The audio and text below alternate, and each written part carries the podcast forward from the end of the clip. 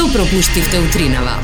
Четврток дојде, тука сме на прагот на викендот, четиридневна работна недела за некој, тродневна за некој друг, четири дена викенд за едни, помалку за друг, ти утринава изгледаш прекрасно. Благодарам. Добро утро. Денеска е утрото кога треба да се вапцаат јајца. Така? Да. Не направи грешка оваа година. Не, не, не, не, никако, таман на време пред изгресонца, тоа никада ќе му дојде кон 5 часот и 10 минути од прилика, заради тоа што после 5.30 веќе изгрева сонце, иако некој тоа го прават и порано. Првите три јајца во црвена боја, за здравје, за среќа, за берикет и како старт на овој празник кој што доаѓа, како најава всушност, а останатите во сабота. На здравје. За денеска е најавено сончево и топло време, утре ни доаѓа невреме со пороен дошт.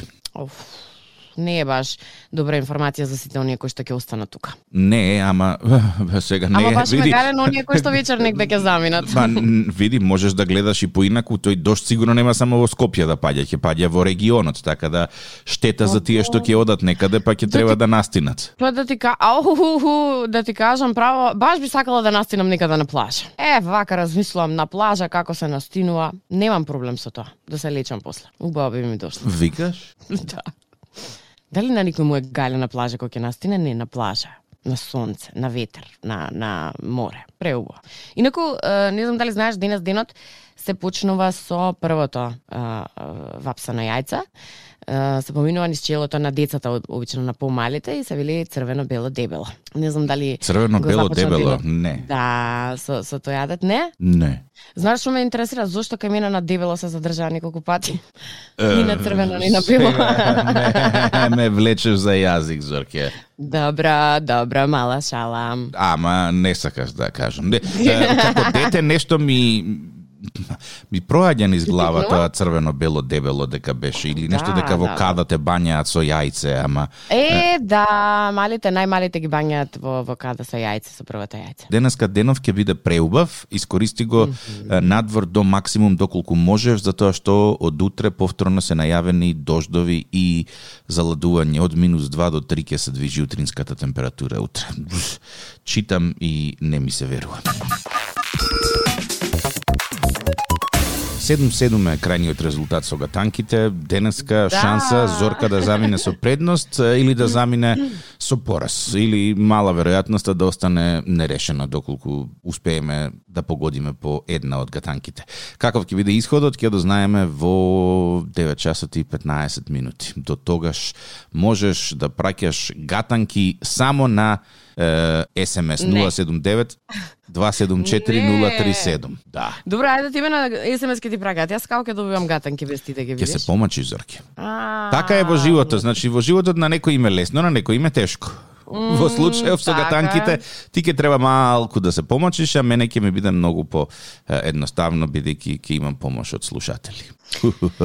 Ох, на тема на некој ме лесно, на некој ме тешко, излегува некој си фотографии од е, некоја си експедиција Некаде. Не знам, некаде, да, на Парис Хилтон, е, некаде во некое село, каде што наводно помагала нели на оние кои што им е потребна помош и како ја гушкаа дечиња и пред дечињата да ја гушна, таа ги прска со парфем. Сериозно. Добро, Парис Хилтон уште е актуелна? Па секогаш ќе биде, мислам. Беше актуелна Onda на времето кога беше наше време, да. да А кога се ожени беше- со стариот. Тоа беше актуелноста. Таа имаше некаде 20 и што знам, 2-3 години, стариот имаше 80. И набргу Добро се сакале, зошто така судиш? Сигурен Значи- сум дека се сакаме. се сакаме. Се Јас, сакало, Парис ама- Хилтон и парите на мојот стар сопруг се сакаме, да. Не, друго сакав да ти кажам. Е, се испостави после дека дечињата сами барале да бидат прскани од новиот парфем на Парис Хилтон.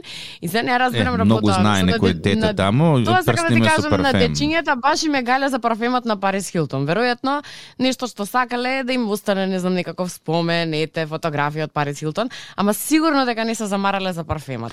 Меѓутоа, вака, гледано кога од страна, многу лошо изгледа во, во која и да оди насока моабетот. со Секогаш кога ги гледам овие PR написи од оваа страна на, на екранот или на таблоидот, делуваат помпезно и вау. Ама, mm -hmm. имав можност пред, па што знам, 10 години, да бидам сведок на еден таков PR настан, како се случува. Даниел Кајмаковски дојде во аквапарк. Mm -hmm. дојде со тајфа девојчиња во бели мајци и е, си ги подзавитка панталоните до колена фармерките и влезе во тој најплиткиот базен, глуждоите си ги накваси, А позади него е, мафтаа со раце овие девојчињева, као демек прават нешто, ама тоа беше како некоја онака е, кореографија излезена од е, кореографското студио на Баванѓа да кажеме. Значи, вака да го гледаш од страна делуваше бизерно. Значи, имаш тука кај Маковски со стапалата во вода, како си брчка напред назад и еден 20 девојчиња со бели мајци како мафтаат. И е, двајца фотографи кои што штракна едно 50 фотки во време трајање од 3 минути од прилика. И најнаш како дојдоа така ги снема. Следниот ден отварам пишува Даниел Кајмаковски се забавуваше во аквапарк. Вика мора беше све само забава не. Ама добро, ме тоа ти е знак за добар пиар, да речеме. Што е со пиарот и што е со цела приказна позади Парис Хилтон? Па најверојатно сакале да па најверојатно некој од тие бренд менаџери на незиниот парфем решил дека тоа треба да се прави така и рекле како е па еве ќе ја пуштиме Парис да гушка е, дечиња, ама кога ќе дојде да ја гушнат ќе ги прсне со парфемот и ќе кажеме леле децата бараат да бидат прснати со парфем. Мислам, мене тоа ми е логиката, сега дали е тоа ја, така ја или не. Ја би тој од тимот веднаш на кого му текнала идејата. На толку многу начини можеш да делуваш и да креираш е, некој, хајде да речам, некој лик, некое твое дело, некое твое однесување во медиумите ова е најглупиот начин како да станеш популарен. Ги прскала со парфем сиромашни деца. Тие деца сакаат услови, основни услови за живот. Баш и ме галя за твојот парфем. Како Ким да каже, деца еве ова ова прс прсулче, ова прсулче, ова прскање парфем вреди 5 долари. Одат за се уновчете го и после да, да, да те мацна малце со парфемот на Парис Хилтон. Да изгушкате и другите сите мирисите. Мислам на крајот на Кристо ако веќе сакаш да направиш некакво добро дело, подели неколку парфеми, па кажи во месец пример а, април сите парфеми кои што што ќе се продадат од оваа колекција, дел од парите ќе бидат донирани стварно да бидат донирани за тие деца, да речеме, за изградба на некое ново училиште или не знам таму што им фали. Веќе ако сакаш да бидеш е, гледана со такви очи, ако сакаш да направиш добро дело, им постојат милион начини како да го направиш тоа добро дело. На крајот на Кристота не мора ни да повикуваш на продажба со оглед на тоа на колку пари спиеш. Така е. Апсолутно се согласувам. Ама Одели, што еве, е вечер не оди на таа гала или на таа журка, дај ги парите, нека се изгради нешто што нив им треба или нека добијат соодветни услови. Прскање со парфем и ставање на социјални мрежи за тоа. Наводна децата бара, децата поима немаат че бара. Сигурно не бара да ги прскаш со парфем. Седум... Меѓутоа некој многу сериозно си поиграл со работата. Убава ќе ни дојде овие две недели малку да пододмориме, нели? Споени па, празници, да, понатаму ќе одмараме Да, да, да, па први мај. велам. Е, значи скоро три недели во еден Да. месец, иако таа третата недела не е од овој месец календарски, туку е другиот, меѓутоа вака како земеме собрано во 30 дена, дури три недели каде што работиме помалку. И се прашувам, јас сум сигурна дека на сите им се допаѓа кога помалку работат, но да речеме вака хипотетички. Дали би се нафатил да работиш 4 дена во неделата наместо 5, ама платата ти биде пониска за 20%? Mm, Не, апсолутно не. Ја би се нафатил да работам 4 дена во неделата, ама платата да остане иста. Цел свет се стреми кон кон 4 дневна работна недела, зошто платата да ви се намали. Знаеш како, Затоа мислам дека во не одиш на Македонија, па нама, види, одењето на работа нема никаква врска со ефикасноста и ефективноста на една индивидуа. Ако кај нас не времето на на на работата се мери според број на работни сати поминати на работа, а не според заработеното, Јас сум 40-60 работни сати џабе. Значи имаш луѓе кои што можат предвиденото да го завршат за 3 дена и имаш луѓе кои што тоа ќе го тегнат 6 или 7 дена. Па ако им се може, да. Се вика па што ќе правам последните дена. Така, значи апсолутно, да, 4 дена работна недела, супер, и 3 и пол ако успееш да завршиш се што е планирано на време. Ама ако не успееш, проблем. Види, е, на пример, од секогаш ме фасцинирале оние работни места кои што се по учинок, да речеме. Особено во продажни дејности, по учинок. Плата по учинок, работни сати по учинок. Значи, баш да се измотивираш онака за да можеш е, да сакаш да одиш на работа. Добро. Е, Да речеме, јас еве страшно продавам. Разноразни, не знам, производи таму кои се. И да речеме Зорка до 15 овој месец направила, исполнила таргет, дури направила и плюс од тоа што треба. Зошто доамаше 15 дена на работа? Јас моето сум го завршила. Па си го Ама што завршила. правиме во месеци кога нема да успееш таргетот да го постигнеш? Апсолутно Се се мачи до согласувам. последниот ден. Па Меѓутоа, сега, тоа ќе те мотивира. заслугата, така? Види, ама тоа ќе те мотивира да речеме си си викаш, аха, на овој начин јас успевам да продавам. Значи, ова е вистинскиот начин, ова се друго пропаѓа во вода.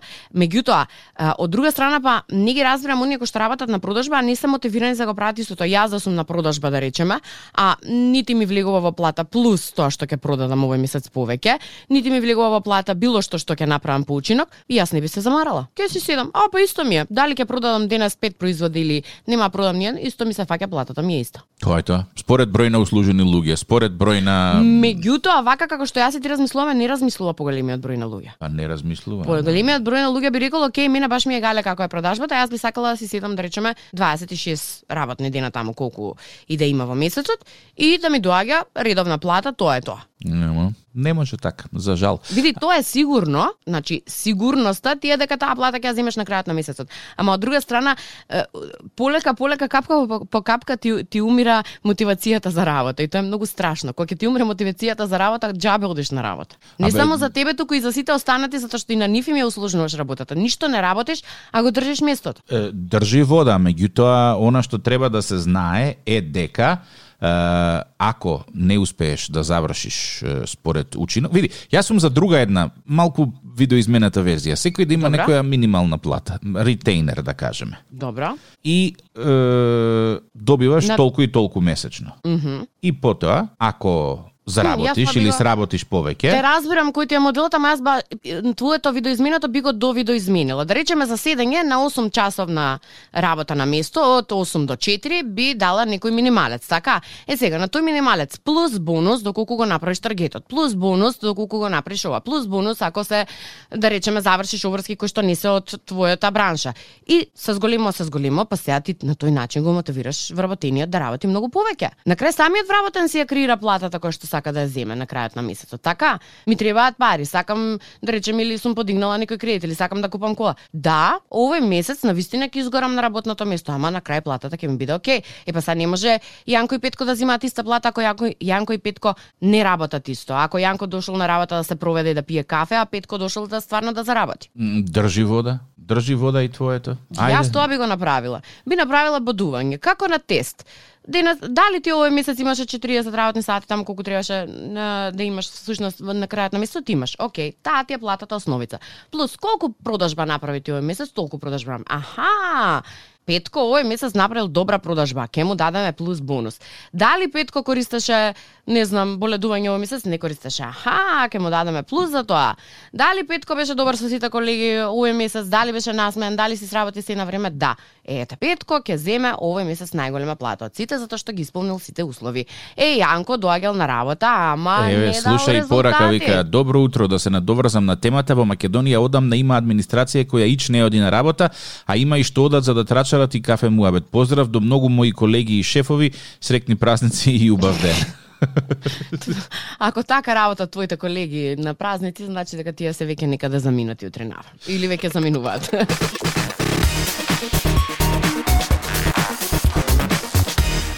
Стаса една порака поврзана со муабетот преска, ако го поминеш таргетот, газдите ќе ти ги покачат таргетите. Така е, пријателе во секој бизнис, затоа што профитот е движечката сила на работата. Не, ја тоа сакам да кажам, значи покачување секако ќе има, меѓутоа не е во оној дел во кој што ние очекуваме, а тоа е финансискиот.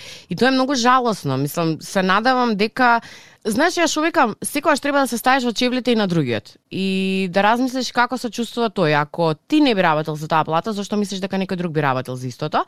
Или да најдеш начин да го измотивираш твојот вработен да направи многу повеќе за фирмата од што ти очекуваш. Тоа никогаш не се постигнува со казни. Земете пример мали деца, секогаш на мало дете кога ќе му кажеш не или немој, малото дете тоа ќе го направи. Така да. е. Ама ако ќе му кажеш супер, а ако ова го направиме, ќе имаме време да правиме и тоа што ти го сакаш, на тој начин го, мотиви, го мотивираш да си ја заврши работата која што треба да ја заврши, за да може да прави се што сака потоа со собственото време или со парите плюс на сметка кој што ќе ги добие. Така што сметам дека целата стратегија за тоа како да ги направиме вработените по ефективни, ние многу лош од сам старт, но исто така имам надеж дека новите генерации ќе донесат некои промени, да речеме, кога е бизнисот во прашање, затоа што имаме деца кои што се навистина многу паметни, учат се, надоградуваат и сакаат да бидат промената која што сакаме да ни се случи. Така што предпоставам дека времето ќе покаже, а сето ова друго некако ќе падне во вода. Но тоа се моите надежи, не мора да значи дека така ќе биде.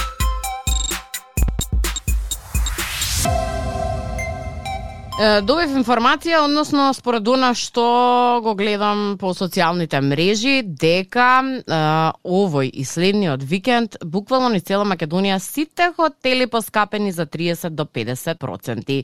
И сега си велам, ти, да речеме на времето, си размислуваш ајде некаде да одиме викендов, така? Да. И ја гледаш една цена предходно, правиш план според таа цена и доаѓаш 5 до 12 и оп, цената на истата хотелска соба, да речеме, која што си ја гледал пред месец дена, чини минимум 30 до 50% повеќе. Машала, има објаснување зошто е тоа така? Е, па поголема побарувачка.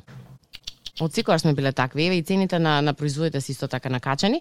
И сакам да ти кажам наместо да се ужива во празникот и секој кој што нели заслужил, ете нема можност толку постојано да шета, се вика чекај малку да се опуштам празници, се можеби сакам да прошетам, ајде се надевам времето ќе ни се погоди така натаму. Доаѓаш до ситуација дека мораш да одбереш дали ќе наполниш трпезата или ќе излезеш да прошеташ. Меѓутоа цените и за едното и за другото се многу покачени и гледам дека постојано има реакции во однос на тоа. И сметам дека крајно не е фер во вакви убави денови и празници да се заработува толку многу. Се се согласувам од една страна дека треба да се подкачи нешто колку е качено? А не знам, оваа година веројатно нема да го имаме, ќе го скокнеме, никако не баш го обожаваме. мислам дека секоја година пред Великден, ако ништо друго, цените на јагнето, ву, угоре да, високо, угоре удар. Ама не е само за, за месото. Еве, ајде месото да го тргнеме на страна.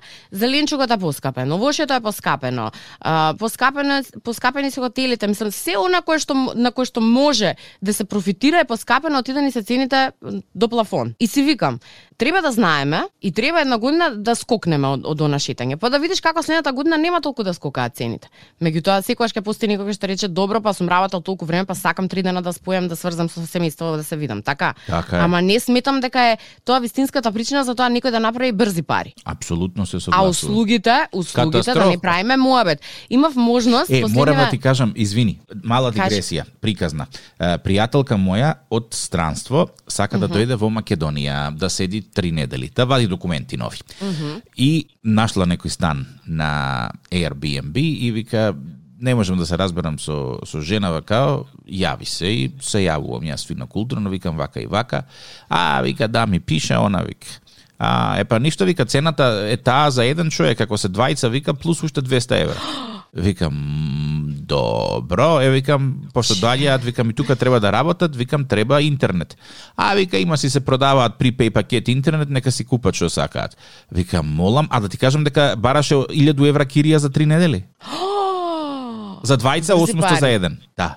Брзи пари. Значи не сме гостопримливи, а сакаме да ќариме брзо. Па така некако му Катастрофа сме како домакини станати. Не бевме вакви. Јас знам дека луѓе од странство кои ќе доаѓале предходно години, дека биле многу задоволни од односот наш, дека сме биле многу гостопримливи и така натаму. А сега некако како ш, не знам да се изитривме, ама не се изитривме Се во изитривме. позитивна смисла, ме разбираш, значи лошо е, се е лошо. Еве последна ситуација мислев ке, ке баш тоа што ти го раскажав пред некој ден со рестораниве. На три пати ми се случува да седнам во ресторан, услугите се веќе катастрофа. Катастрофа, катастрофа, Зошто ни катастрофа. паѓа толку е, услугата и зошто ни паѓа толку услужливоста? Во време кога се е покачено, јас окей, на крајот на кристата па немам проблем, покачи, меѓутоа да ја добијам услугата која што мислам дека ја заслужувам за парите кои што ги оставам во твојот локал. Мислам а дека не да се молиме, те молам дојди да нарачам. Не па сега што е тука е Зорке? Да, нема. Тие што работеа отидоа да работат во странство, тие што останаа се најверојатно неработниците и е, на крај крајева тоа е тоа. Па не можеме сите да ги ставиме во исти кош, меѓутоа сликата за тоа колку сме гостопримливи и како наплакаме во последно време, искрено да бидам не ми се допаѓа. Се надавам дека наскоро ќе одиме во некоја нагорна линија, но ова што во моментов го гледам, сметам дека треба навистина да се поработи и на однос, и на услужливост, и на гостопримство, и општо земено се да вреди она што го плаќаш за цената што ја плаќаш. Пред последниот гатанкашки дуел пред празниците. Па добро го го кажав, нели? Гатанкашки. Да, прекрасно звучеш. А, малку ќе се подзагрееме со а, нешто што се вика бескорисни факти, односно работи кои што ти можеш да ги искористиш во било која ситуација за да започнеш муабет со било кого на било која тема, а при тоа да кажат леле, ама си чуден. Време е за бескорисни факти. Секоја година се произведуваат околу 90 милиони чоколадни зајчиња околу Великден. Е сега, работата која што мене никогаш не ми стана јасна, која е поврзаноста на Великден со зајците?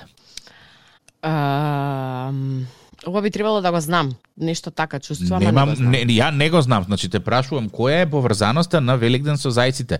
Нели кај нас е, вапцаме јајца, ги користиме за за Великден, во остатокот од светот јајца носат зајците. Не ми е јасно. М, Стварно не знам. Искрено не знам, а веројатно на нешто на бидејќи се бели асоцираат на не знам на светлина, на чисто, на меко, на на радост.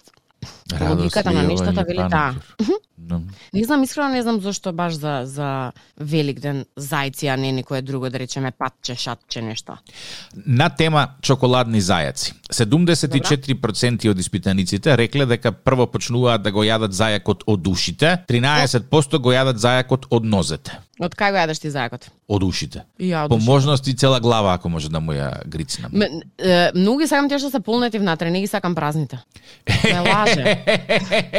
Ме лаже, си, на, си си мислиш... налетала на полн зајак?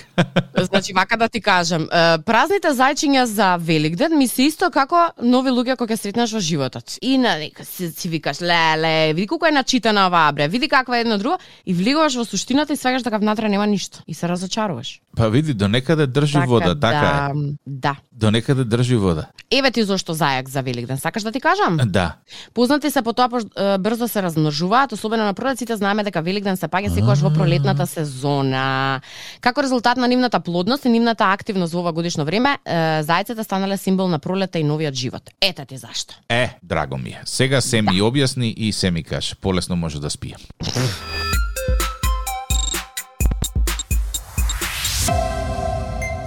Пред сам крај, време е за денешните гатанки. Моменталниот резултат е 7 спрема 7.